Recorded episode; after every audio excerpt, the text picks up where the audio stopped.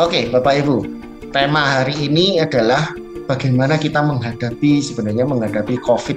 COVID bukan dalam konteks penyakit ya, tapi kondisi bisnisnya kita ketika COVID-nya ini sedang mengamuk di sekelilingnya kita. Jadi beberapa waktu terakhir ini di negara kita ini oleh Bapak Presiden kita dilakukan tindakan-tindakan yang semakin lama semakin drastis, melakukan karantina ekonomi kalau di negara lain disebut lockdown, tapi ternyata di Indonesia nggak ada lockdown, ya, tapi bentuknya berbeda. Nah ini yang berdampak kepada berbagai industri, berbagai bisnis. Nah hari ini saya mau sharing nih, sharing apa yang selama ini saya lakukan, baik itu di, di perusahaan kami, maupun bagaimana saya membawa membimbing klien-klien saya untuk bisa berkembang di tengah kondisinya COVID ini. Ya, apa yang harus Anda miliki? Makanya saya sebut ini adalah kalau kita ini supaya sehat, kita butuh vaksin. Nah, ketika saya ditanya materinya apa ya, saya bilang ya kalau menghadapi COVID ini banyak orang sakit, banyak bisnis yang sakit ya harus divaksin supaya kebal bahkan cuma sekedar tidak terkena sakit tapi justru bisa berkembang di tengah kondisi COVID yang sedang merajalela ini. Dampaknya lebih tepat ya. Jadi saya akan banyak sharing dan saya akan berikan pertanyaan-pertanyaan yang silakan Bapak Ibu catat pertanyaannya untuk Anda betul-betul renungkan, kemudian Anda ambil tindakan action berdasarkan pertanyaan tersebut. Jadi saya berikan beberapa pertanyaan yang untuk Anda renungkan. Oke, saya mulai apa yang paling berbahaya dari penyakitnya COVID ya terhadap bisnis? Ternyata adalah tindakannya menghadapi kondisi COVID ini ya. Jadi sepanjang mulai tahun 2020 kemarin kita di Indonesia mulai masuk bulan Maret itu mulai masuk COVID ya Maret 2020 kemarin saya masih ingat karena dapat informasi waktu itu bulan Maret saya dan tim dapat informasi bahwa oh di negara lain sudah mulai dilakukan lockdown persis satu minggu sebelum dimulainya karantina di Indonesia yang waktu itu dinamakan PSBB itu saya mempersiapkan tindakan cukup banyak membuat beberapa skenario perubahan saat itu menghadapi kemungkinan perubahan. Jadi belum punya bayangan sama sekali COVID waktu itu akan bergeraknya seperti apa.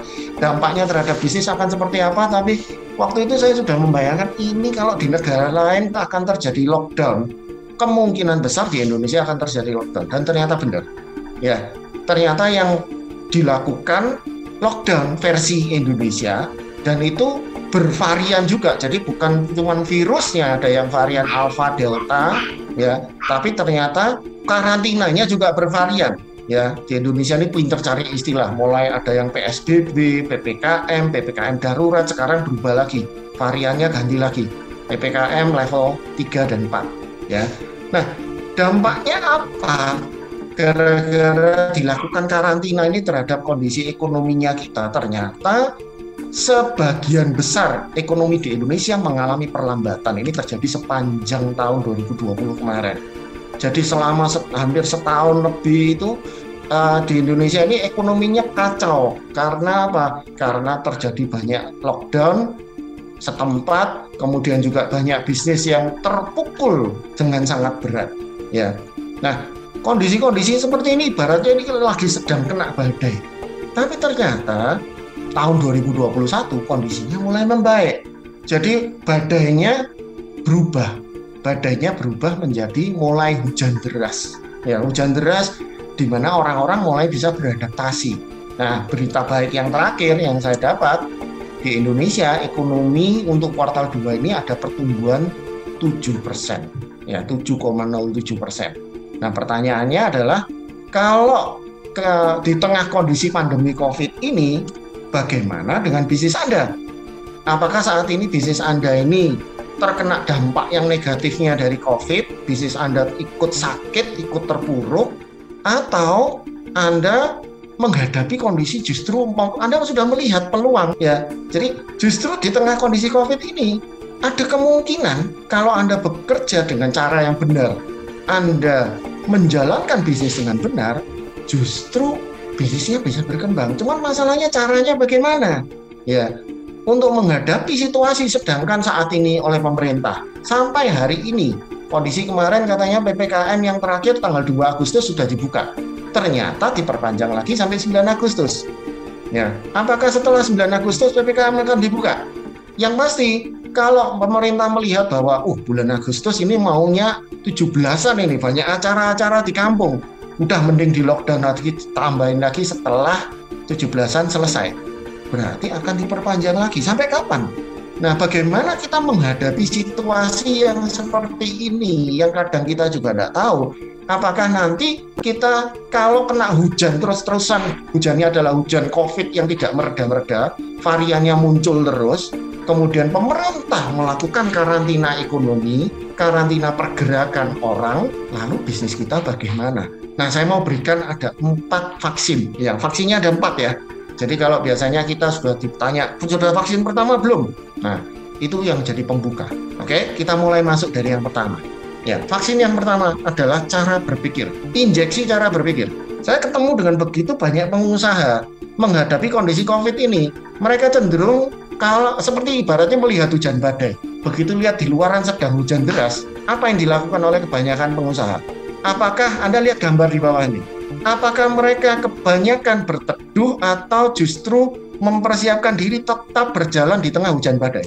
Coba Anda cek diri Anda. Saat Anda sedang ketemu hujan badai, apa yang Anda lakukan? Ya, ketika bisnis Anda katakanlah terdampak yang negatif, ya terdampak negatif. Contoh misalkan di usaha di grup kami di grupnya Mimapan itu bisnis restoran ketika bisnis restoran mulai dari eh, PSBB yang pertama itu oleh pemerintah sudah dilarang jualan ya. Nah, saat itu berarti ini kena hujan badai deras sekali kami tidak bisa berjualan karena apa? Karena yang selama ini mengandalkan outlet terpaksa outletnya harus tutup. Lalu dapat penghasilan dari mana? Nah, apa yang harus dipersiapkan secara pemikirannya dulu, injeksi cara berpikirnya dulu, ya.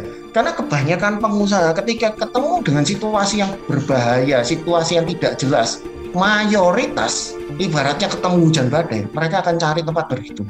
Udah deh, saya tunggu ini tenang dulu, uang saya simpan dulu, saya taruh di bank, mending saya makan bunga, ya, mending saya hidup damai daripada saya mengambil resiko nanti di tengah kondisi yang tidak jelas pemerintah melakukan perubahan bisnis kita malah berantakan. Nah makanya saya mau berikan beberapa injeksi cara berpikir dulu. Saya berikan analoginya dalam menghadapi hujan badai bagaimana sikap manusia ketika menghadapi hujan badai, ketika hujan deras sekali. Apa yang cara berpikirnya bagaimana? Ya, saya mau berikan sebuah pola berpikir, silahkan Anda adopsi. Ya, banyak orang mengatakan begini, namanya COVID ini pasti mereda kok. Ya, masalahnya meredanya kapan? Nah pertanyaan saya kepada Anda, kalau meredanya itu masih dua tahun lagi dari sekarang, bisnis Anda mau ke mana? Apa yang Anda lakukan dengan bisnis Anda di tengah hujan badai COVID ini? Makanya saya berikan injeksi pikiran yang pertama. Hujan badai pasti mereda, betul, pasti mereda. Tapi Bapak Ibu, peluang justru terbuka lebar ketika orang-orang semua sedang berteduh. Saya ambil contoh yang sederhana yang di industri yang sedang kami jalani di grupnya Mimapan, bisnis kami restoran. Berapa banyak restoran yang karena PPKM, PSBB itu tutup. Entah itu tutup sementara atau tutup terus. Yang ada di pemikiran kami bagaimana? Kalau restoran-restoran pada tutup emangnya orang-orang ini pada tidak makan? Tetap makan. Lalu karena banyak restoran yang tutup apa yang harus kami lakukan? Kami tetap harus berjalan di tengah hujan badai ini, tapi kami harus beradaptasi. Makanya, kami justru melihat kalau banyak yang tutup, berarti peluangnya makin besar. Masalahnya adalah kami yang harus beradaptasi, kami harus siapin payungnya, kami harus melakukan tindakan-tindakan supaya kami juga tidak basah, supaya kami juga tidak sakit. Ya, itulah sebabnya kita harus melakukan tindakan tertentu. Tapi mindset yang pertama yang harus dipasang adalah hujan badainya jangan tunggu untuk mereda. Ya, justru di masa-masa sepi sekarang inilah peluang terbuka lebar karena banyak industri yang sedang tiarap banyak kompetitor Anda yang sekarang mungkin mengalami kesulitan keuangan atau takut berinvestasi untuk pengembangan. Ya, justru di tempat kami sepanjang Covid kemarin mulai 2020 kami sudah buka ada total berapa cabang? 6 cabang kami buka sepanjang mulai Maret 2020 kemarin hingga hari ini. Dan kami mempersiapkan untuk sampai akhir tahun ini kami akan menambah lagi 9 cabang baru di berbagai kota. Sebentar lagi kami akan masuk ke Jawa Tengah, buka di Bali. Ya, saya tidak menunggu hujan badai mereda. Kenapa? Karena saya tahu dengan jelas peluangnya terbuka lebar sekarang. Ya, orang mengatakan bahwa oh di Bali itu ekonominya terpuruk. Yes, ekonomi yang terkonek dengan pariwisata. Tapi penduduk di sana tetap butuh makan. Maka kami memutuskan penduduknya Bali yang pindah dari kota Bali, dari Pulau Bali, berarti di situ ada pasar. Kami masuk ke sana. Ini sedang mempersiapkan. Mungkin 2-3 bulan lagi kami akan buka cabang di sana. Nah, mindset ini yang tolong dipegang dulu. Ini yang pertama.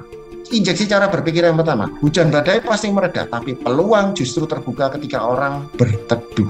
Yang kedua, bagaimana cara kita berjalan pada saat hujan? Coba Bapak Ibu bayangkan. Kalau Anda di tengah hujan, hujannya cukup deras, Anda kalau berjalan caranya bagaimana? Anda mau menembus hujan, caranya bagaimana? Apakah Anda jalannya santai-santai atau sebaliknya? Anda berlari.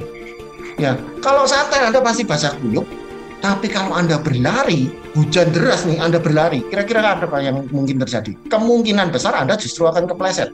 Anda justru akan jatuh. Anda justru tidak melihat tempat yang tepat untuk Anda berhenti untuk sesaat beristirahat sebentar untuk pemulihan lagi. Anda justru sakit nantinya. Ya, nah makanya injeksi pikiran yang kedua, berjalan cepat sambil menghindari lubang. Jadi kita harus bergerak cepat, jalan, tapi bukan lari ya, jalan cepat. Ya, Anda kalau bawa payung waktu hujan, jalan Anda apakah santai gitu atau Anda coba jalan cepat cepat cepat cepat sambil lihat sekeliling.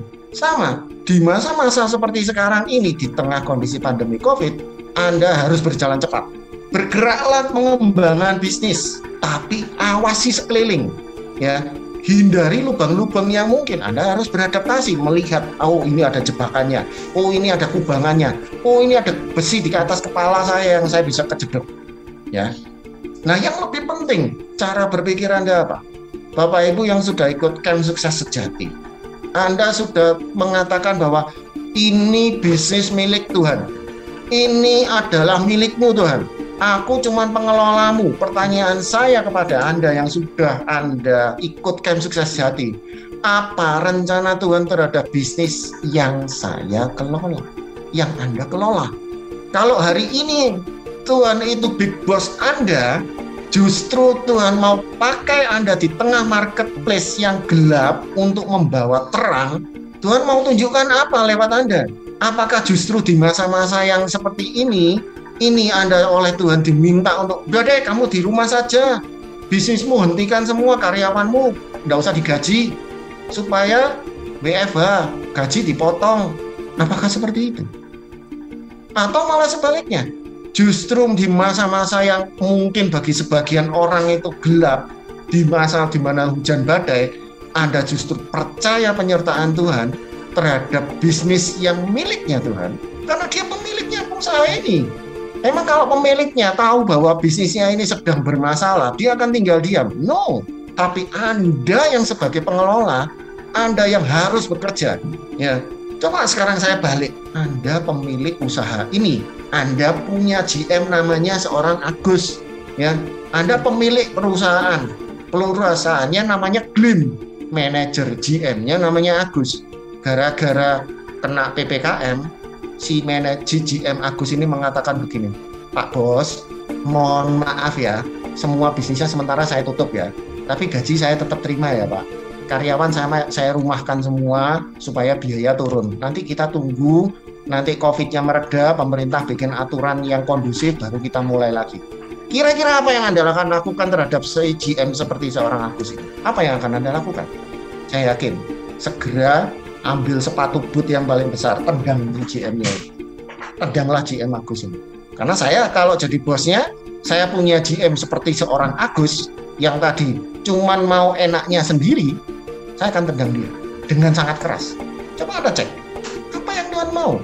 Justru lewat kondisi badai ini, apa yang sebenarnya Tuhan sedang persiapkan untuk Anda? Karena tidak akan mudah. Berjalan cepat di tengah badai hujan deras itu tidak mudah. Tapi karena Anda disertai oleh Tuhan sendiri dalam berkarya, ceritanya akan beda.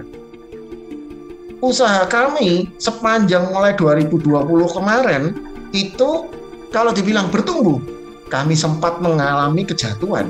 Beberapa bulan kami sempat tidak bisa menggaji karyawan secara penuh, gajinya kami potong tapi menjelang penutupan tahun kami bersyukurnya luar biasa. Kenapa? Keuntungan perusahaan masih bagus. Ada pertumbuhan. Akhir tahun kemarin kami membagikan profitnya untuk karyawan kami. Semua yang kami potong kami kembalikan, kami bahkan bisa memberikan tambahan profit sharing untuk mereka loh bisnis yang yang yang Tuhan punya yang kita kalau mau jalankan Tuhan itu bukakan jalan. Setiap jalan akan dibukakan. Tapi bukan yang mudah. Saya sekali lagi saya tekankan tidak ada yang mudah kalau kita bekerja bersama Tuhan. Tapi Tuhan bukakan dan tunjukkan jalan yang tepat. Ya jadi Anda mau jadi GM yang bagaimana? Ini perusahaan miliknya Tuhan. Di masa-masa sulit seperti ini harusnya Anda bersikap bagaimana? Oke? okay? Jadi ini injeksi yang pertama, ya. Vaksin yang pertama, injeksi pikiran Anda. Kenapa kalau ini penting sekali? Karena kalau cara berpikir Anda salah, Anda cuma berpikirnya adalah yang penting pokok saya selamat, yang penting pokok saya bisa tetap hidup. Karyawan saya urusan nanti. Ya, karyawan saya tidak usah digaji, tidak apa-apa. Pokok saya tetap hidup, saya masih punya tabungan, saya masih selamat. Ya, nah sekarang saya mau berikan masuk ke teknisnya bisnisnya. Ya, vaksin yang kedua injeksi marketing. Nah, kenapa? Kenapa kok injeksinya marketing? Karena kita harus melihat dari sudut pandang pelanggannya kita. Nah, injeksi marketingnya apa? Yaitu adaptasi pelanggan dengan cepat. Ya, prinsip tadi ya. Di tengah hujan, kalaupun kita berjalan, jalannya harus cepat. Ya, dan awas, adaptasilah dengan pelanggan kita, tapi dengan cepat. Ya, pertanyaan yang pertama, Anda boleh catat. Yang pertama, apakah pelanggan saya masih ada? Saya ketemu dengan cukup banyak pengusaha yang di masa-masa pandemi ini sempat bertanya, Coach, apakah saya harus ganti bisnis? Saya jawab dengan pertanyaan ini, pelangganmu masih ada tidak? Ya ada, tapi kok sepi ya tambah ya? Ya berarti kalau pelanggannya masih ada, caramu berkomunikasi, produkmu apakah masih relevan? Apakah kebutuhannya pelangganmu itu kamu penuhi sesuai relevan dengan kondisinya mereka sekarang. Saya berikan contoh, ya. Pada saat PSBB terjadi, ya, tahun kemarin 2020, satu minggu sebelum lockdown diberlakukan, PSBB diberlakukan, di restoran kami, kami membuat beberapa skenario kemungkinan. Kami bikin produk yang segmennya jauh di bawah, karena kami memprediksi di level bawah itu jualan tetap akan jalan karena mereka pasti makan. Kami bikin produk frozen karena pada di rumah kemungkinan masak dan itu memang betul terjadi. Jadi skenario ini kami buat kami membuat sampai ada lebih ada 9 skenario untuk beradaptasi dengan kondisinya pelanggan. Mana yang dijalankan? Dari 9 skenario yang kami buat, hari ini yang kami jalankan cuma tiga. Satu pending. Ya, tapi hanya tiga yang kami jalankan hingga hari ini. Jadi kalau dibilang berhasil tidak skenario nya berhasil dengan tidak. Ya nah itu adaptasi jalan cepat tapi juga awas dengan kondisi sekeliling. Apakah harus ada yang saya rubah? Mulai tahun kemarin begitu kami dapat pemahaman bahwa wah ini nanti akan tidak bisa jualan di outlet yang kami lakukan apa? Fokus menguatkan penjualan lewat ojol penjualan digital dan yang paling saya syukuri tahun ini ketika sama sekali tidak boleh berjualan pemerintah melarang untuk membuka restoran penjualan ojol kami masih di atas batas yang kami inginkan. Jadi hanya dengan jualan online bisnis kami masih bisa make profit tanpa ada penjualan offline sama sekali. Itu yang paling saya syukuri. Perjalanan yang kemarin kerja kerasnya mempersiapkan diri yang kemarin itu betul-betul kelihatan sekarang. Ya, coba Bapak Ibu bayangkan kalau seandainya saya tidak bertindak cepat, dengan teman-teman di tim kami itu melakukan perubahan. Kami bikin divisi yang khusus untuk menerima orderan lewat telepon, chat lewat WhatsApp, masuk ke marketplace, masuk ke sosial media. Nah, perubahannya ini yang kami adaptasi. Kami bikin menu, bikin perubahan kebutuhan. Nah, sejak karena kondisi terakhir ini banyak isoman, kami bikin menu-menu isoman. Ya, menu yang memang dikhususkan supaya orang yang isoman kami mikirin, orang yang isoman ini kira-kira gimana ya? Oh, mereka banyak yang batuk. Ya, banyak yang takut untuk makan gorengan. Ya sudah, kami bikinin menu-menu yang pendekatannya lebih ke arah kukus, kuah, seperti itu. Ya, produk saya, apakah layanan saya masih relevan dengan mereka dengan kondisi di tengah hujan badai pandemi COVID ini. Contoh yang lain misalkan, kalau selama ini misalkan Anda ini jualan langsung di toko, Anda B2B misalkan. Selama ini kalau Anda berkomunikasi dengan pelanggan Anda, eh ternyata pelanggan Anda sekarang tidak mau ditemui. Lalu Anda ngotot, saya tidak bisa pakai online, saya tidak ngerti cara mengoperasikan komputer, Nah, sedangkan sekarang pelanggan Anda hanya bisa diakses tanpa ketemu fisik. Apa yang Anda mau lakukan? Produk Anda apakah sesuai? Ya. Nah, produk produk maupun value apa? Perubahannya ini apa yang dialami di pelanggan Anda? Coba Anda cek sekarang. Tiga pertanyaan ini harus Anda jawab, Anda renungkan, Anda survei sekeliling. Pelanggan saya apakah masih ada? Kalau pelanggan Anda benar-benar hilang, ya Anda harus ganti bisnis. Ya. Tapi kalau pelanggan Anda ada, cuman Anda caranya untuk mereka bisa mendapatkan produk Anda berubah, ya silakan beradaptasi. Ya, cari, cek apa yang sedang terjadi dengan pelanggan saya. Kalau hari ini pelanggan kita meminta produk itu harus dalam kondisi steril, lakukan supaya produk kita juga relevan dengan kebutuhan mereka. Ya, nah adaptasi pelanggan dengan cepat ini, selain tiga pertanyaan ini, pertanyaan yang keempat adalah channel distribusi. Nah, ini yang menarik Bapak Ibu. Ya. Di masa-masa pandemi ini, channel distribusi channel distribusi kalau boleh saya katakan dengan penggambaran yang sederhana ada empat jenis. Direct channel itu dari produsen langsung ke konsumen. Retail channel dari produsen ada retailer sambung ke konsumen. Wholesale channel produsen lewat wholesale, lewat retail, lewat ke konsumen Nah, agent ini bahkan lewat yang skalanya lebih besar, bisa jadi agent, bisa jadi ekspor, baru ke distributor, baru retail ke konsumen. Nah, sekarang Anda saat ini sebelum kena hujan badainya pandemi, bisnis Anda yang kuat di mana? Kalau bisnis Anda misalkan, oh kuatnya Anda sebagai produsen langsung ke konsumen, Anda jualan sendiri. Nah, tempat jualan Anda ternyata di lockdown oleh pemerintah tidak boleh jualan di sana. Maka apa yang bisa lakukan? Ya mulailah carilah siapa yang masih bisa jualan. Cari retailernya. Ya. Misalkan ada jualan buka toko, tokonya ditutup. Ini industri-industri yang buka toko retail di mall sekarang menderitanya luar biasa. Ya. Pada saat menderita luar biasa seperti itu, pertanyaannya balik ke pertanyaan yang pertama tadi, apakah pelanggan saya masih ada? Saya beri contoh yang lucu ya. Kemarin anak saya barusan beli laptop ya dia beli MacBook sebelum ppkm yang terakhir ini. Anak saya udah ngomong saya sudah berencana mau membelikan MacBook. Nah tanya-tanya pada tutup semua stoknya banyak yang kosong. Nah begitu kami tanya lebih jauh kemudian kena PS eh, apa ppkm tutup mau tutup sama sekali. Sedangkan toko Apple Store mayoritas adanya di dalam mall Nah ternyata mereka tutup. Kami mau komunikasi. Wah sulitnya luar biasa. Tapi cuma ada satu toko yang kemudian pegawainya ini responsif banget. Dia ngomong, saya carikan. Ya, Kak Kimi, anak saya namanya Kimi. Kak Kimi, saya kami kami akan carikan. Jadi dia mau berkomunikasi terus. Ya, yang biasanya punya toko, sekarang retailnya nggak bisa jalan. Maka dari produsen tadi langsung pindah jadi connect langsung dengan konsumen. Ya karena retailnya nggak bisa jalan. Atau mungkin justru sebaliknya, Anda harus lewat agen, Anda harus cari siapa yang jadi distributor yang masih bisa berkomunikasi dengan target market Anda. Kok bekerja samalah dengan mereka. Ya, jadi empat tipe channel distribusi ini Anda coba cek. Bisa jadi kalau Anda itu asalnya channel distribusinya panjang, kemudian Anda cari jalan supaya channel distribusinya dipendekin. Ya. Jadi yang asalnya agen, Anda lewat agen, ada grosiran, ada retailnya, kemudian baru ke konsumen, Anda boleh berpikir bagaimana supaya saya bisa langsung pindah jadi direct channel. Ya, saya punya klien satu yang juga distributor.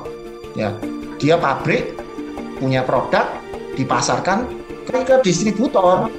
Problem di distributornya karena distributornya kena ppkm, pada tidak mau ditemui lah segala macam. Akhirnya kesulitan di situ. Yang dilakukan oleh klien saya pak langsung turun seret langsung turun ke bawah. Jadi dia dari produsen langsung ke konsumen. Ada yang produsen yang masuk ke retail, dia bikin jaringan distribusi secara online sendiri. Nah, perubahan jaringan distribusi ini yang paling dibutuhkan untuk beradaptasi dengan kebutuhannya pelanggannya kita. Sekali lagi, pelanggannya kita, kalau dia masih ada, dia pasti mengalami perubahan pola. Ya, jadi coba cek bisnis Anda apakah bisa dirubah channel distribusinya? Ya, yang asalnya kita itu lewat distributor, kita hilangkan distributornya. Atau sebaliknya, yang dulunya tidak pernah pakai distributor, saya coba sekarang. Jangan-jangan ada distributor yang saat ini masih bisa makan, masih punya market besar. Justru Anda harus masuk ke distributor itu. Ya. Nah, channel distribusi, cek perubahan channel distribusi injeksi marketing yang lain beradaptasi dengan pelanggan secara cepat ya. Jadi hati-hati ya. Banyak pengusaha ketika mau pindah seperti ini prosedurnya panjang. Ini yang sangat menghambat. Ketika bisnisnya makin besar, bisa jadi Anda harus bergerak lebih cepat lagi. Kalau misalkan kemarin ada yang yang pengusaha yang tanya ke saya, kalau marketnya lokal ini menurun terus dan ada kemungkinan produk saya ini kena regulasi akibat kondisi yang terkininya di Indonesia. Kalau Indonesia dibuntu, ya Bapak Ibu pakai caranya Huawei ya. CEO-nya Huawei itu dihambat oleh Amerika. Apa yang dia katakan? Di barat saya dihambat, saya akan lari ke timur. Ya, saya tidak mau mau bermusuhan dengan pihaknya Amerika. Saya lari ke timur. Kalau di Indonesia hujan badai, Kenapa kok Anda hanya membatasi diri hanya di Indonesia? Persiapkan diri Anda untuk kalau perlu buka ke negara lain, ekspor. Ya. Kan sesuatu yang baru. Tapi begitu Anda mau mencoba bisnis Anda tidak harus di lockdown. Karena Anda beradaptasi dengan pelanggan. Cari di mana mereka, di mana letak dan jalur distribusi apa yang saya bisa pakai. Oke? Nah, adaptasi yang lain apa? di masa-masa pandemi ini terjadi perubahan yang besar sekali. Ya, Anda bisa petakan. Ya, Anda lihat di sini. Cara berkomunikasi ada fase-fasenya. Pelanggan kita terkonek dengan kita, baik secara produk maupun jasa, itu ada ada fasenya. Fase sadar di mana sih selama ini pelanggan kita tahu tentang perusahaannya kita, tentang produknya kita. Kalau selama ini Anda pakai sales, salesnya Anda suruh keliling ke toko-toko kena pandemi nggak bisa keliling. Lalu apa yang Anda lakukan? Apakah Anda tinggal diam? Apakah salesnya Anda WFH kan? Atau Anda mencari jalan? Oke, kalau kesadarannya nggak bisa dibangun lewat ketemu secara langsung, ya ayo mengadakan acara lewat online. Ya, lihat ini ya. Jadi antara online digital menuju ke offline, Anda dua-duanya harus siap switching, ya, switching cepat kalau di online buntu, yuk masuk ke offline-nya. Kalau di offline buntu, yuk masuk ke online, ya. Memilih, ya. Jadi ini contoh yang yang menarik ya. Kesadaran memilih membeli. Kadang pelanggan kita kalau di masa-masa sekarang mau membeli sesuatu, memilih barang untuk dibeli, mereka akan lakukan apa? Apakah mereka harus datang fisik ke toko? Atau mereka cukup melihat informasi secara digital di marketplace online ya? Nah itu proses memilih. Yang dulunya harus lihat fisik harus offline digeser menuju online dan di online ada banyak cara untuk memilih dengan harga yang lebih bagus kualitas yang lebih tepat nah Bapak Ibu coba cek bisnis Anda apakah memilihnya harus dilakukan transformasi offline menuju online atau sebaliknya yang dulunya Anda punya online saja tapi mulai Anda siapin offline-nya ya. Nah, ini Anda Anda coba pikirkan ini, ya. Untuk membeli. Nah, ini membeli, pembelian. apakah pembeliannya harus datang ke toko? Ya, yang dilakukan oleh uh, salesnya laptop yang tadi dibeli oleh anak saya, dia chatting WA.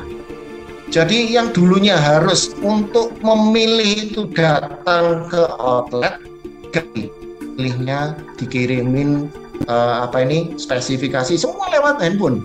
Belinya transfer semua, tidak perlu datang fisik. Apa yang dia lakukan? Dia yang datang. Dia yang datang ke tempat kami, nunjukin prosesnya, datang ke rumah. Nah responsifnya tinggi sekali. Dapat omset enggak? Dapat. Tokonya tutup. Kalau nunggu tokonya, mallnya buka, mungkin sampai bulan depan mallnya enggak buka-buka. Jadi Bapak Ibu kalau kena hujan badai, Anda harus milih yang mana? Tetap jalan atau Anda berteduh? Mau berteduh sampai kapan? Ya. Nah, penyampaian. Cara kita menyampaikan, memberikan ke customernya kita, ini mungkin yang berubah sekarang Ya, ketika customer mau pakai purna jual, cara kita melayani mereka bagaimana? Kalau mungkin dulu Anda tidak terlalu care dengan masalah purna jualnya, hari ini ada peralatan online digital yang bisa dipakai untuk memperkuat purna jual Anda. Ajarin customer Anda. Bapak Ibu kalau sudah pakai produk saya, nanti saya siapin 75 strategi untuk memakai produk saya supaya mengiritkan biaya Anda, supaya Anda bisa apa pun itu. Purna jualnya justru Anda ajarkan ke mereka. Karena purna jualnya Anda bisa komunikasi terus, maka balik ke sini, customer Anda juga akan sadar terus dengan produk Anda. Ya. Nah, ada sebagian pengusaha yang mereka tidak mau berubah. Saya sempat tanya, kamu enggak enggak mau belajar pakai Zoom seperti ini untuk berkomunikasi? Enggak, saya gaptek. Ya. Saya enggak bisa pegang komputer. Terus kamu komunikasi dengan klien bagaimana? Harus ketemu fisik. Kalau ketemu fisik lah, terus kena pandemi, kena PPKM, kena PSBB segala macam, terus gimana? Nah ya itu, selesai enggak bisa jualan. Lihat Bapak itu. Kena hujan badai, pada berteduh semua. Tapi kalau Anda mau merubah, beradaptasi, cara komunikasinya yang mungkin berubah, channelnya tidak berubah. Ya. Nah, contoh yang lain di tempat kami, ya, kami buka rumah makan, rumah makannya ditutup oleh pemerintah, diharuskan tutup. Kami sempat mengalami waktu di awal-awal PPKM sedikit nakal nih. Diberitahu tutup jam 8 jam 8 kami last order. Disamperin Satpol PP kena denda 500 ribu. Karena jam 8 harus sudah tutup. Ya sudah nurut. Kena 500 ribu. Ya. Dari titik itu lebih parah lagi tidak boleh jualan sama sekali. Nol penjualan lewat outlet. Apa yang harus kami lakukan? Di mall-mall mallnya karena sepi penjualan kami menurun drastis. Pertanyaannya pertanyaan yang nomor satu tadi saya ulang. Di kepala saya berputar lagi. Pelanggan saya ini sebenarnya masih ada enggak ya? Ada. Di mana? Bahkan mungkin mereka supaya sadar tentang produknya Mimapan kok rasanya saya mau melakukan strategi ya saya saya ajarin Bapak Ibu strategi yang sangat ampuh ya menghadapi kondisi seperti ini. Yaitu ada dua yang pertama itu namanya ATM, yang kedua ATP. Ya. ATM itu apa? Amati, tiru, modifikasi. Ya. Kalau ATP apa? Amati, tiru, plek. Ya. Tiru persis. Ya, itu ATP namanya. Lihat kompetitor Anda, lihat industri lain bagaimana mereka beradaptasi. Tiru persis, ya. Kalau Anda tidak ngerti caranya untuk bagaimana beradaptasi, memodifikasi, ya ikut GLIM, nanti di Glim Anda akan belajar yang namanya scamper. Ya, saya mendampingi klien saya untuk melakukan inovasi perubahan-perubahan saya sendiri pakai di grup kami. Pakai apa? Scamper. Saya tahunya scamper dari mana? Dari Glim. Yang ngajarin siapa? Pak Tono. Nah, itu Pak Sutono itu yang ngajarin. Ya. Jadi kalau Anda tidak ikut Glim itu salah besar. Oke? Nah, ini adaptasi ini harus Anda lakukan Nah, cara beradaptasinya bagaimana? Ada tekniknya. Saya ini bukan orang yang yang kreatif yang bisa memikirkan cara, tapi ada teknik yang kita bisa pelajari. Ada metode yang kalau itu kita praktekkan, Anda jadi mendadak jadi orang kreatif. Ya, caranya gimana? Dua tadi, ATM dan ATP. Ya, amati tiru modifikasi atau amati tiru plek. Ya, tiru persis. Nah, itu. Ya. Jadi cek apakah jalur komunikasinya ada yang berubah. Kalau ada yang berubah, segera beradaptasi. Ya. Kalau misalkan seperti saya sendiri, saya bawain training ketika klien saya pada kena COVID, ya sudah, sesi coaching saya saya bawa online semua. Ya. Saya harus belajar beradaptasi menggunakan semua peralatan teknologi. Harus. Ya. Nah, ini coba Anda cek bagaimana dengan Anda? Apakah di bisnis Anda ada bagian yang khusus, khusus di bagian tertentu yang mungkin selama ini nggak pernah bisa Anda lakukan, tapi justru gara-gara ada kehadiran teknologi, Anda bisa lakukan dengan sangat cantik dan itu membuat nilai yang luar biasa untuk pelanggan Anda. Nah, pertanyaan-pertanyaan ini tolong Anda juga. Oke?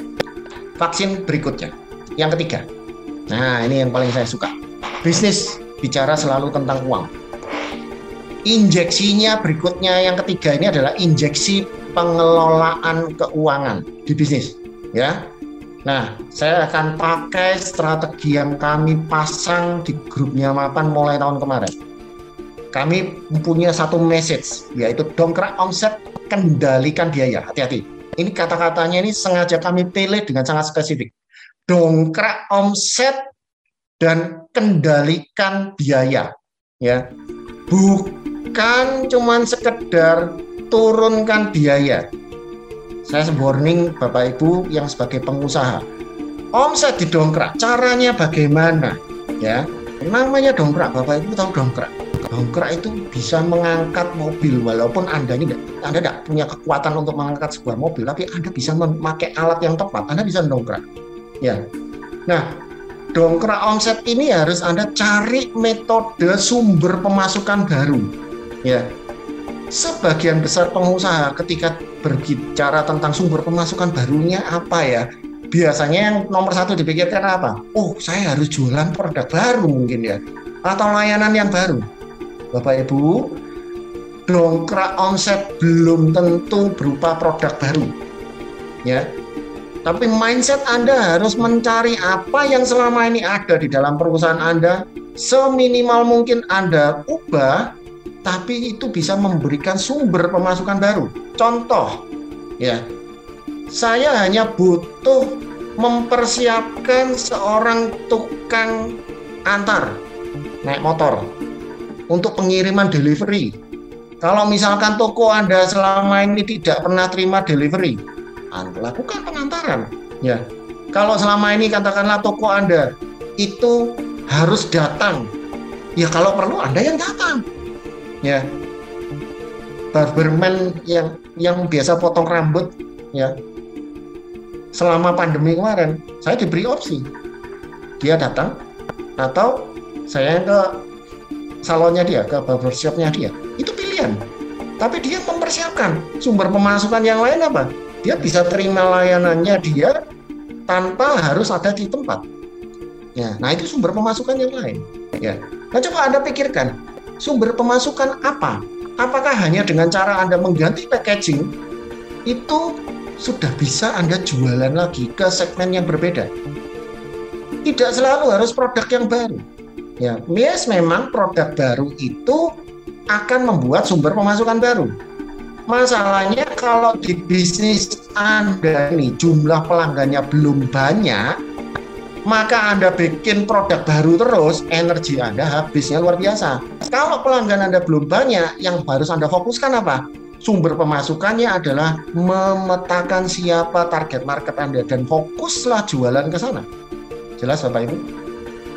Oke, nah jadi nomor satu dongkrak omset. Hati-hati ya, karena begitu bicara keuangan, yang ada di pikirannya kebanyakan pengusaha itu adalah selalu berbicara tentang apa?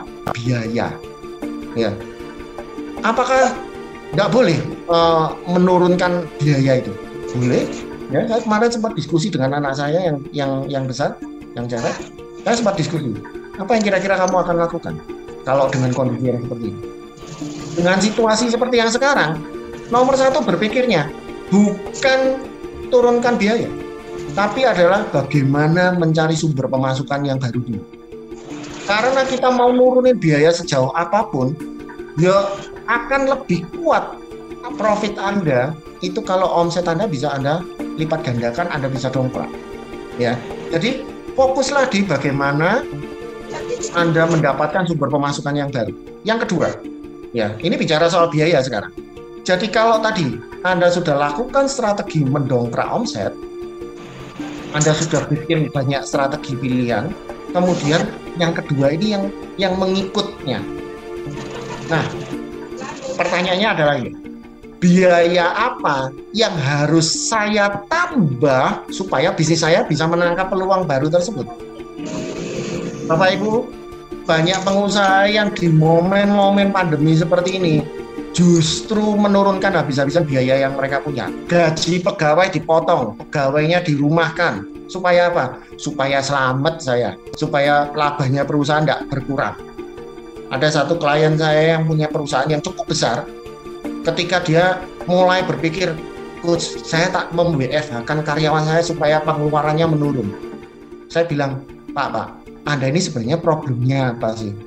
Kalau problemnya di cash flow, justru justru Anda harus cari sesuatu sumber sumber tambahan cash flow supaya bisnis Anda menghasilkan lebih. Jangan menjaga supaya perusahaan ini bisa survive, gajinya pegawai yang saya potong terus. Ya. Apakah motong gaji itu solusi? Bisa ya, bisa tidak. Kalau Anda motong gaji terlalu banyak, motong pegawai terlalu banyak, layanan utama Anda malah hancur berantakan. Ya. Maka justru ada biaya-biaya yang mungkin harus Anda tambah supaya bisnisnya bisa nangkep peluang. Mungkin Anda harus tambahkan biaya marketing online Anda. Mungkin justru Anda harus cari sales reseller secara online. Atau justru Anda pakai orang-orang jualan di jalan-jalan untuk produk Anda. Anda harus tambah biayanya. Ya. Kalau bisnis Anda selama ini tergantung toko, tokonya ditutup, emang nggak bisa jualan di jalan? Kalau bisa jualan di jalan, kira-kira Anda harus lakukan apa? Kalau Anda tidak punya sumber peralatannya, mungkin Anda harus berinvestasi di sini. Ada biaya baru. Jadi hati-hati ya. Begitu kita fokus hanya urutannya ini dibalik ya. Turunkan biaya, tingkatkan omset. Kan biasanya orang mengatakan gitu. Kalau saya, saya tidak mau. Pemikirannya saya balik. Nomor satu, omsetnya harus didongkrak dulu Gimana caranya supaya omsetnya bisa kedongkrak? Caranya adalah kalau memang dibutuhkan, saya justru harus tambah biaya. Saya harus siapkan budget lebih besar untuk melakukan marketing. Saya harus siapkan budget untuk tambah pegawai khusus untuk membuat omset saya bisa meningkat. Ini yang Anda sadar pikiran yang ada di pikiran Anda. Kalau Anda mau berjalan cepat di tengah hujan badai, Anda harus justru melihat peluang makin banyak kalau di samping-samping jalan yang kena semua orang-orang pada berteduh semua, ternyata peluang makin besar. Malah Anda harus keluar biaya. Kami mengeluarkan biaya besar untuk apa? Investasi tempat, buka cabang baru, marketing yang baru, rekrut orang-orang yang lebih kompeten lagi, biaya membengkak. Tapi justru ketika nanti Pak Jokowi sudah mengendorkan ekonomi, tebak siapa yang nanti akan mempersiapkan bisnisnya lebih dahulu, yang lain baru mulai keluar, mulai tolah-toleh untuk melihat, oh sudah rintik-rintik, kami sudah berlari. Anda mau yang mana? Tuhan mau Anda mengendalikan bisnis Anda dengan cara yang mana? Tolong Anda jawab. Yang ketiga, biaya apa yang harus saya jaga supaya tidak membengkak? Biayanya yang tidak membengkak. Definisi membengkak ini apa? Membengkaknya tidak berdampak pada pendongkeraan omset. Ini yang jadi catatan penting. Ya. Jadi Bapak Ibu jangan sampai kebalik ya. Jangan sampai di awal-awal langsung berpikir, oke okay, biaya yang apa yang saya harus kurangi terus. Tapi Anda tidak meletakkan dulu gimana caranya saya dongkrak omset. Ya. Makanya urutannya jangan dibalik. Ya. Pikir dulu apa yang saya harus lakukan untuk dokter omset? Saya harus tambah biaya apa supaya betul-betul ini bisa berjalan? Baru yang ketiga saya mikir, apa biaya yang saya harus jaga supaya tidak membengkak ngawur. Jadi saya tetap simpan peluru. Bahkan kalau perlu, hati-hati ya. Saya, saya sekali lagi saya memberikan masukan ini case by case. Ada beberapa klien saya yang justru saya suruh nambah utang karena mereka menemukan peluang yang luar biasa justru di tengah-tengah kondisi pandemi ini. Ya, mereka justru menangkap sebuah opportunity yang luar biasa besar. Dia sempat tanya, coach, kalau seperti ini gimana ya? Loh kalau bapak tahu ini justru peluangnya sekarang, terus yang jadi hambatannya apa? Dana. Solusinya apa? Ya saya mesti cari utangan. Coba buat perhitungan dulu. Coba bikin hitungannya, bikin bisnis plan-nya, masuk semua. Opportunity-nya besar sekali. Ya sudah, lakukan. Ya. Jadi justru harus bergerak lebih masif lagi di masa-masa seperti sekarang. Oke? Vaksin yang ketiga. Vaksin yang terakhir. Ya. Yang keempat, injeksi keahlian bisnis. Nah, kata kuncinya adalah kuasai perlengkapan tools ya, perlengkapan ini peralatan dan keahlian bisnis baru. Ya. Jadi Bapak Ibu, karena kita ini namanya pengusaha, kena situasi apa pun, Anda harus selalu berpikir untuk buka jalan baru. Bagaimana saya bisa membuat terobosan-terobosan baru? Bagaimana bisa memodifikasi? Nah, supaya bisnis kita bisa beradaptasi dengan kondisinya pandemi yang sekarang ini, maka Anda harus kuasain perlengkapan. Perlengkapan ini contohnya apa? Apa alat bantu yang tepat? Saya berikan contoh. Ya, ada pengusaha yang mengatakan begini, toko saya ini masih kecil. Saya kalau mau mau buka uh, apa ini toko di online di marketplace, saya tidak ngerti. Bahkan laptop saja saya tidak tahu cara mengoperasikan. Lah kalau laptop aja Anda tidak tahu cara mengoperasikan, terus bagaimana Anda nanti mau membuat bisnis di marketplace? Alat bantunya apa? Ya sudah beli saja satu laptop, Anda investasi satu laptop. Ya. Lalu belajarlah lalu Anda mulai menguasai keahliannya. Keahlian apa? Oh, cuma sekedar buka marketplace saja itu butuh keahlian. Untuk membuka sebuah sosial media dan membuat sosial media yang sudah dibuka itu bisa dapetin follower yang tinggi, itu butuh keahlian. Belajarnya di mana? Di KBC banyak orang-orang yang ahli. Ya, teman-teman yang jadi panitia di sini, teman-teman yang sudah ikut GLIM, teman-teman yang jadi fasilitator, mereka semua siap untuk mendukung Anda. Alat bantu yang tepat. Ketika bisnis Anda justru di momen-momen seperti ini, yang nomor satu alat bantu yang selalu saya pegang ke semua klien saya itu apa? Laporan keuangan. Karena di masa-masa pandemi seperti ini, kondisi keuangan itu adalah sesuatu yang betul-betul kita harus hati-hati. Ya. Jadi jalan cepat, tapi awas awasnya dalam hal apa? Kondisi situasi keuangan. Ya. Nah itu butuh keahlian. Anda punya laporan keuangan, tapi Anda tidak tahu cara bacanya. Nah itu punya toolsnya, tapi Anda tidak punya keahliannya. Pelajari keahliannya. Jelas Bapak Ibu? Ya. Nah, apa yang harus Anda pelajari lebih jauh lagi? Ada satu poin yang lebih penting lagi, yaitu bagaimana sikapnya kita sebagai anak Tuhan, kita sebagai orang yang percaya pada Tuhan, itu bersikap di tengah kondisi bisnis ini. Ini yang betul-betul saya betul-betul bersyukur saya ketemu dengan KBC, saya ketemu dengan GLIM, saya belajar dari Pak Rimson, saya belajar dari orang-orang yang ada di KBC ini luar biasa. Ya. Karena kita ini harus belajar terus sebagai pengusaha kalau kita mengatakan saya ini pengusaha sekaligus juga anak Tuhan. Kalau sebagai pengusaha, Anda harus kuasai keahliannya sebagai pengusaha. Kalau sebagai anak Tuhan, Anda juga harus kuasai bagaimana caranya sebagai anak Tuhan itu menjalankan bisnis yang benar.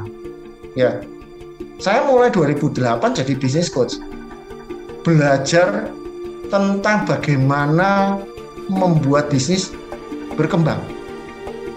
Hingga tahun 2015 saya ketemu KBC 2015 uh, Agustus saya ikut SS 2015 Oktober saya ikut GLIM di situ saya baru mengerti oh ternyata ini loh yang saya cari selama ini.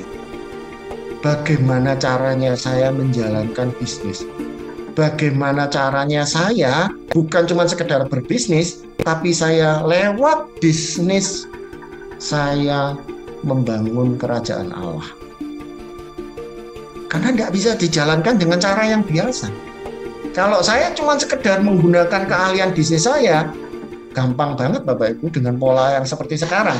Nomor satu, karyawan semua saya pulangin semua, gaji saya potong semua, WFH semua, biaya akan turun drastis sambil cari jalan lain.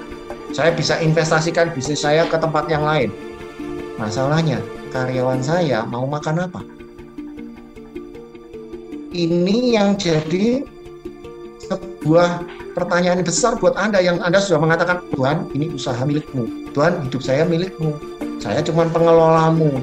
Bapak Ibu ingat ya waktu di SS di sesi terakhir kita diminta untuk tanda tangan penyerahan hak di situ Bapak Ibu bukan cuma sekedar mengasal tulis, tapi itu doa.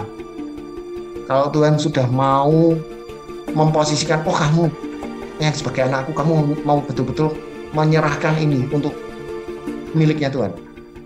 Ya biarlah Tuhan yang menuntun Anda. Oke? Nah, saya mengutip dari Amsal, ya. Baiklah orang bijak mendengar dan menambah ilmu baiklah orang yang berpengertian memperoleh bahan pertimbangan. Firman Tuhan sendiri mengatakan ini, bahwa kita harus selalu belajar nambah ilmu. Nambah ilmunya, nambah ilmu tentang apa? Ilmu bisnis Anda harus tambah. Ilmu tentang berbisnis yang benar, bagaimana membangun glory company, bagaimana Anda menjadi seorang glory leader. Anda belajar di tempat, harus cari yang tepat di mana? Nah, materi saya vaksinnya 4 sampai di sini. Ya, Bapak Ibu kalau ada pertanyaan masukkan ke dalam chat. Ya, nanti sesi ada sesi tanya jawab sendiri.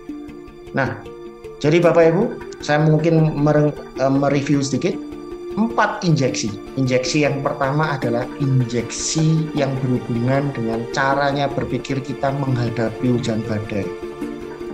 Ya, Injeksi yang kedua berhubungan dengan pelanggannya kita. Adaptasi cepat dengan pelanggannya kita. Injeksi yang ketiga adalah injeksi yang hubungannya dengan pengelolaan uang. Ya, dongkrak omset, jaga biaya. Injeksi yang keempat adalah injeksi tentang keahlian Anda berbisnis. Kuasai perlengkapan dan keahlian bisnis yang baru. Di mana? Saya mau melanjutkan ini ya. Di mana sih tempat yang tepat untuk belajar bisnis supaya kita tidak cuma jago berbisnis, tapi juga kita berbisnis sebagai bagian dari perjalanan imannya kita. Jadi antara bisnis dan iman kita itu bisa sejalan. Tempatnya di mana? Ya di KBC. Anda sudah disediakan tempatnya, namanya GLIM. Akan dimulai 3 September. Ya, ada 8 sesi. Ya, bagaimana sih sebenarnya GLIM ini? Ya, pola GLIM ini sebenarnya kalau boleh saya katakan sebenarnya adalah bentuk yang namanya group coaching. Ya, saya begitu waktu saya pertama kali kenal KBC, saya ikutkan sukses jati, saya sudah langsung membuat keputusan saya mau belajar habis di KBC ini. Dan begitu saya tahu bahwa oh di KBC ada yang namanya GLIM. Waktu itu saya di awal saya cuma berpikir ini GLIM ini apa ya? Kok katanya ada pendampingan-pendampingan? Saya ikuti programnya dan di situ saya betul-betul bersyukur. Kenapa? Karena program ini saya familiar. Saya sebagai business coach ternyata di Glim ini ini adalah pola coaching secara grup. Kita juga dapetin orang-orang yang ada di sekeliling kita yang sama-sama bertumbuh. Jadi komunitas di sekeliling kita dikuatkan. Teman-teman yang seiman sevisi mau bekerja untuk membangun glory company itu di sini munculnya. Jadi kalau anda ikut camp sukses. Jati cuman itu dibukakan wawasannya tapi di GLIM Anda dituntun perjalanan Anda menuju benar-benar yang namanya glory leader dan glory company. Gara-gara GLIM saya belajar menjalankan bisnis dengan benar. Oke? Apa isinya GLIM? Ya, glory leader at marketplace. Ini kelas yang bicara tentang teori dan praktek. Ya, bukan cuma teori ya, teori dan praktek yang sejalan untuk mengembangkan bisnis Anda dengan nilai-nilai yang benar. Nilai-nilai glory yang sudah Anda pelajari di Camp Sukses Sejati. Ya. Nah, di Camp Sukses Sejati Anda diajarkan oh, apa itu glory. Yang muncul pertama kali, emang bisa ya dijalankan. Kita harus meletakkan bahwa perusahaan ini God center, oke okay deh. Tapi harus loyal to proses, oke okay, lumayan. Harus apa? Yielding right. Saya harus memberikan hak yang kepada karyawan saya, kepada orang sekeliling saya. Mulai mikir, di Glim ini kita ketemu dengan orang-orang dan bersalan bersama-sama. Ya. Nah, belajar apa saja? Ada delapan sesi kelas besar via Zoom. Tapi juga ada kelompok kecil. Jadi nanti Anda akan diketemukan dengan kelompok. Bisa jadi kelompok yang sekota, bisa jadi kelompok yang sekomunitas. Tapi intinya Anda punya teman. Anda punya komunitas, Anda punya kelompok yang berjalan bersama-sama begitu kita menguasai prinsip Pareto ini dengan benar, bisnis Anda akan bertumbuh. Itu sudah pasti. Ya. Prinsip-prinsip sederhana yang efektif dalam bisnis. Apa contohnya? Tadi bagaimana melakukan ATM dan ATP. Nanti Anda akan belajar caranya pakai apa? Teknik yang namanya scamper. Kompetensi di bagian apa? Purpose-nya, arahnya bisnis Anda, produknya, prosesnya, people-nya, bagaimana sisi keuangannya. Anda diberi bentengnya nanti, batas-batasnya gimana menjaga cash, gimana menjaga profit. Ya, adaptasi juga secara online. Kalau mungkin selama ini Anda tidak terbiasa untuk online, justru Anda di Glim ini akan belajar untuk online. Ya, kita ini pengelola saja. Just do the best yang kita bisa lakukan dengan arahan dari Tuhan sendiri.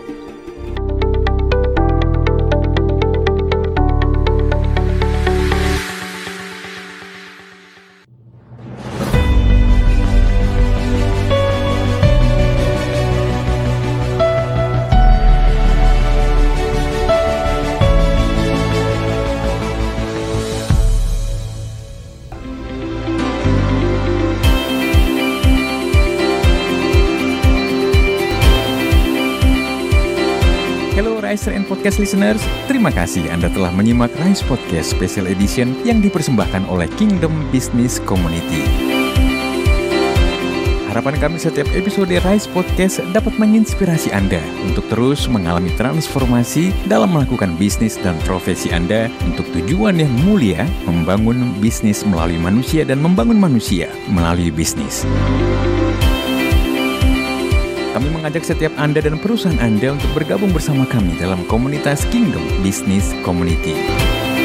Secara bersama, kita bisa bertumbuh, berkembang, dan sukses, serta dapat berkolaborasi dalam gerakan kepedulian kepada sesama untuk Indonesia yang lebih baik. Untuk dapat bergabung, silahkan kunjungi website Kingdom Business Community di www.kbc.or.id